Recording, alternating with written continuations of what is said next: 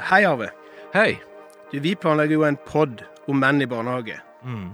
Kan ikke du kort fortelle hva den handler om, hvem den er for, og hvorfor man skal høre på den?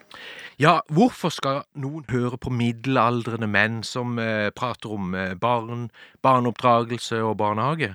Jeg sier det. Egentlig så bør jo et sånt surrealistisk utgangspunkt være interessant nok i seg sjøl for å lytte på denne midpoden, eh, tenker jeg. Jaha.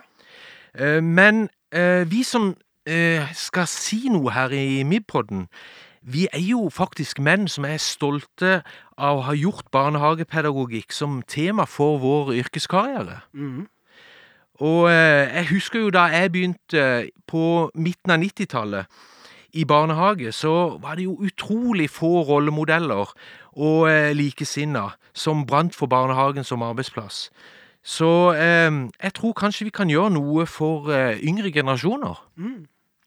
Men så håper jeg også at eh, menn i alle aldre, altså eldre generasjoner, eh, skal gi oss en sjanse, om de er interessert i barnehagen som arbeidsplass.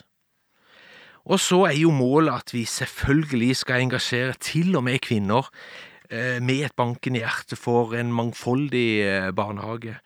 Eh, så jeg håper de også gir oss litt oppmerksomhet. Det må bli bra.